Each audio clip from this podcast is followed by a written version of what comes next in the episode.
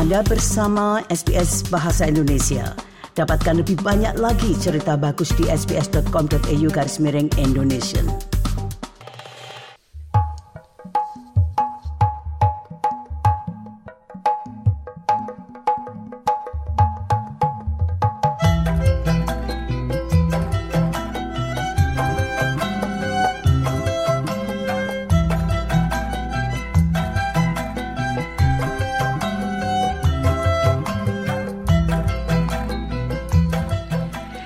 Nah rupanya tamu kami untuk siang hari ini sudah berada di jalur, jadi saya akan segera bergabung dengan Profesor Mulyoto Pangestu, dosen senior di bidang obstetrik di Fakultas Kedokteran, Kesehatan Masyarakat, dan Keperawatan Universitas Monash.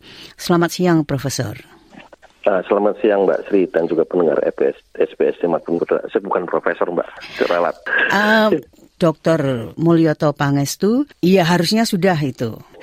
Nah, ini pekan ini itu adalah pekan kesehatan pria kan itu dari ya. tanggal 12 sampai dengan tanggal 18. Nah, sebelum ya, kita betul. berbicara tentang kesehatan pria, saya ingin mengetahui dulu sebelumnya yaitu kalau kita berbicara dengan pria yang timbul di benak kita kan maskulinitas atau masculinity itu kan. Iya betul. Nah, jadi apa itu konsep masculinity yang kita anut selama ini? Memang ini agak sedikit apa istilahnya ya di luar topik ya. Kalau kita berbicara masculinity itu kan mengenai superioritas pria kemudian postur tubuh kemudian apa istilahnya ya maco dan sebagainya. Nah, artinya orang lebih melihat ke arah postur ya tubuh pria itu ya jadi tidak lemar lemer kemudian tidak istilahnya tidak lemah gemulai kemudian badannya tegap gitu kan lebih ke arah fisik. Nah tetapi atau yang lainnya adalah kalau berbicara kesehatan pria adalah lalu diarahkan ke uh, sexual drive libido dan sebagainya. Itu adalah kadang orang melihat menggambarkannya semacam itu. Nah, nah silakan. nah men's health di sini adalah kesehatan pria secara menyeluruh tidak hanya sexual health tidak hanya kesehatan seksual, tapi juga kesehatan mental, fisik juga diperhatikan. Nah, itu mungkin sebelum Pak Mul menjelaskan tentang kesehatan apa kesehatan pria, saya ingin ini konsep sehat itu seperti apa? Jadi begini, konsep sehat itu sebenarnya sangat sederhana ya. Kalau kita mengatakan bisa tidak sakit, makan enak, hidup enak, tidak ada tekanan, tidak ada stres gitu ya. Kita bisa bekerja dengan baik. Itulah konsep sehat yang paling sederhana. Nah ini yang harus kita pegang ya. Tetapi dalam prakteknya orang menambahkan misalnya ada yang secara fisiologis kalau tes kolesterolnya rendah harus ini apa namanya tinggi badan sekian kekuatan fisik sekian itu adalah adalah ketika kita lihat detailnya. Tetapi secara umum adalah bisa hidup tenang makan enak, ya, bekerja dengan tenang, tidak ada gangguan, tidak ada rasa sakit, dan tidak ada rasa khawatir. Sedikit sekali itu permintaannya. Memang betul kalau istilahnya istilahnya kita kalau orang Jawa kan pokoknya mangan enak, eh, mangan warak, turu pules, urip enak gitu istilahnya kan begitu. Nah sekarang hidup enak itu kan relatif kan itu. Artinya Betul. setiap orang tidak tidak dapat apa namanya ukurannya itu yang bagaimana itu? Iya betul. Jadi kita berbicara hidup enak itu misalnya seseorang punya uang 100 dolar, dia bisa tenang selama seminggu. Tapi ada juga yang punya 100 dolar dia bingung gitu kan, mau apa saya? Karena mungkin biaya hidupnya per hari sudah 100 dolar. Tetapi yang punya uang 100 dolar sudah tenang itu berarti dia mungkin hanya makan seperlunya jajan, masak di rumah, sehingga 100 dolar itu cukup untuk seminggu. Nah ini kan ketika berbicara relatif, relatifnya ya. Tetapi kita kan tidak berbicara secara artinya uang 100 dolar bagi si A dan si B berbeda nilainya, tetapi kita berbicara adalah apa pun namanya uang yang dia pegang, dia itu hidupnya sehat, tidak tidak stres gitu ya. Jadi ini, ini kita berbicara antara kesehatan fisik dan kesehatan mental. Saya tidak mengatakan kesehatan mental itu adalah orang yang gila atau apa ya. Jadi berbicara mental itu kita tidak tertekan. Tadi saya sampaikan, saya memegang uang 100 dolar selama seminggu, saya tenang atau tidak gitu loh. Ya. Bagi saya mungkin tenang gitu kan. Bagi orang lain mungkin kok 100 dolar seminggu gitu. Nah, ya habis untuk naik taksi pulang kerja. Nah, itu. jadi Pak Mul, ini jadi sekarang uh, tadi hidup sehat sudah dikatakan ya, katanya hidup sehat itu ya sehat jasmani dan sehat rohani kan begitu. Iya, nah, mungkin dapat dijabarkan pula itu sehat rohani jasmani itu yang bagaimana? Uh, sehat jasmani artinya kita tidak memiliki rasa sakit ya, bukan sakit penyakit misalnya orang punya tekanan darah tinggi tapi bisa terkontrol ya dia tergolong sehat gitu kan bukannya sakit orang punya penyakit misalnya ginjal tapi rajin cuci darah dan hidupnya terkontrol nyaman ya tidak tergolong sakit begitu ya artinya mereka sehat. Nah yang jadi masalah adalah kalau orang-orang itu badannya sehat kelihatannya sehat tetapi dia merasa untuk melakukan kegiatan itu malas. Misalnya misalnya waduh saya kok malas bekerja ya kenapa nah itu kita katakan mulai ada rasa ada sakit dalam tanda kutip ya. Bukan morbiditas tetapi sakit. Kok orang ini nggak bisa kerja kenapa? Itu loh semacam itu atau sudah badannya sehat tetapi dia mikir waduh saya ini kalau saya keluar rumah ditagih hutang sama si Anu gitu kan saya nggak berani keluar nah, ini ini dikatakan sudah tidak sehat juga itu psikologis berarti faktor ya. faktor psikologis ya. itu tadi. Nah, ya. kalau kita berbicara di Australia ini itu bagaimana Pak Mul menilai atau mengamati tentang kesehatan pria di Australia? Secara umum di Australia itu masyarakatnya akan cukup, apa istilah cukup heterogen ya bermacam-macam dari latar belakang baik itu etnik, agama, pekerjaan dan sebagainya. Memang perhatian terhadap kesehatan pria saya anggap cukup baik ya dalam artian ketika berbicara yang kasat mata seperti banyak laki-laki pergi ke tempat kebugaran, olahraga dan sebagainya itu kan.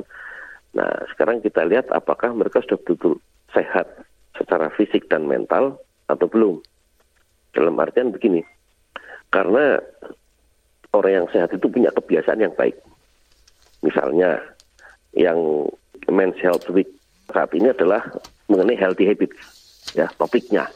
Jadi untuk melihat supaya kaum pria ini lebih memperhatikan kebiasaan sehari-hari. Baik itu makan, tidur, minum, ya, kemudian bagaimana mereka bergerak, kemudian berkomunikasi dengan teman.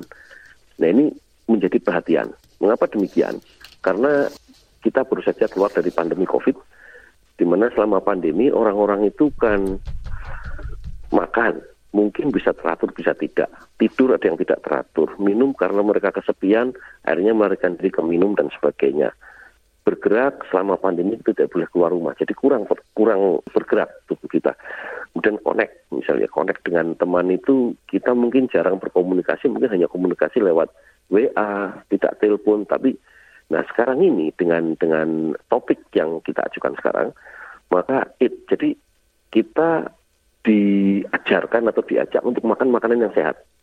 Ya, makanan sehat itu ya kita tahulah jangan makan junk food ya, tapi junk food itu kan tidak berarti apa namanya selalu jelek ya karena kita nemu ya kita cobalah makan makanan yang sayuran, buah atau daging yang bergizi gitu kan. Tidur juga jadi masalah karena banyak orang yang ketika pandemi kekurangan tidur bukan karena tidak bisa tidur, karena mereka mungkin tidak bisa tidur atau karena tidak ada kegiatan, jadi diisi main game atau apa sehingga mereka mengalami sleep deprivation. Jadi idealnya orang tidur itu 7 jam dalam sehari, mereka hanya mungkin tidur 3 atau 4 jam dan itu terbawa sampai sekarang. Ya, itu mengenai masalah tidur itu sebetulnya ya. bukankah itu tergantung dari masing-masing orang? Karena ada orang yang cukup 4, 4 jam, cukup 5 jam, apalagi 6 nah, jam lebih-lebih misalnya. Ya, berbicara cukup itu adalah bagi kita yang bagi orang-orang yang kemudian besok paginya bekerja, tetapi bagi tubuh kita itu kan bagi bagi yang kita sampaikan dan kita lihat. Tetapi bagi tubuh kita, tubuh kita memerlukan uh, proses istirahat di mana standarnya itu antara 7 sampai 6 6 7 jam gitu ya per hari. Nah, kalau ini tidak dipenuhi, maka kemungkinan tidak muncul keesokan harinya. Permasalahan akan muncul 10-20 tahun ke belakang, di mana banyak organ tubuh yang mungkin terlalu lelah karena kurang istirahat di saat orang itu kurang tidur. Nah, Pak Mul, tetapi kalau kita berbicara men's health itu orang uh, biasanya akan langsung juga, oh ya itu itu kesehatan mental, terutama bagi para para ini bukan cadangan ya, artinya itu mantan tentara itu kebanyakannya kan ya. mengarah situ itu. Iya, betul. Tetapi ini kan resiko pekerjaan dan tidak seumur hidup gitu istilahnya kan. Istilahnya kan Mbak Sri dulu tentara kalau piket ya piket, tidak ya tidak. Atau dokter ya, yang harus mengoperasi dalam waktu panjang. Atau perawat yang harus dinas malam. Nah ini tentu ada, dulu memang mungkin kita tidak melihat bagaimana mengkompensasikan orang yang bekerja sampai malam, larut dan sebagainya. Atau pramugari, pilot dan sebagainya. Nah sekarang ini sudah mulai ada perhatian ke arah situ. Jadi kesehatan dan keselamatan kerja mulai memperhatikan apakah orang ini cukup istirahat atau tidak. Tidak. Itu. Jadi harus ada kompensasi sehingga kemungkinan adanya gangguan atau kerusakan tubuh di masa yang akan datang bisa dihindari atau paling tidak dikurangi.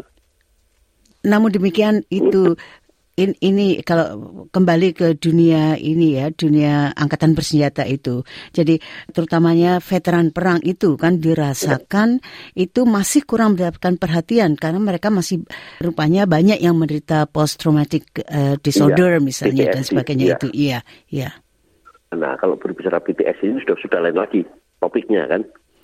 Karena PTSD itu kan satu memori yang mereka simpan dalam satu kenangan yang disimpan dalam memorinya, dalam otaknya, dalam benaknya, sehingga akan muncul setiap saat. Nah, ini memang ada terapi dan saya tidak bukan ahlinya di situ ya, tetapi memang saya pernah melihat teman-teman yang menderita PTSD itu ya ada yang harus pakai obat penenang, harus konseling dan sebagainya.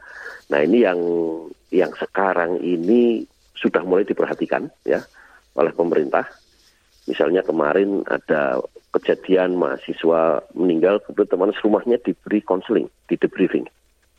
Dulu 10 tahun yang lalu tidak ada, temannya meninggal ya sudah teman kamu meninggal selesai gitu kan. Sekarang temannya meninggal, seluruh teman-temannya diberi konseling.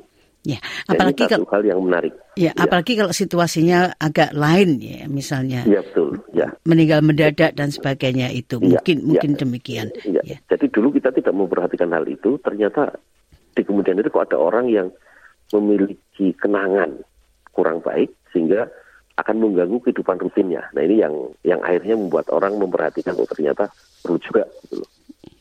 Terima kasih sekali eh, Dr. Mulyato Pangestu eh, untuk penjelasannya dan mudah-mudahan dalam waktu dekat kita dapat berbincang lagi untuk masalah yang lainnya. Selamat sore Bapak. Selamat sore Mbak Sri, selamat sore juga untuk semuanya. SBS SBS SBS SBS SBS This is SBS Radio.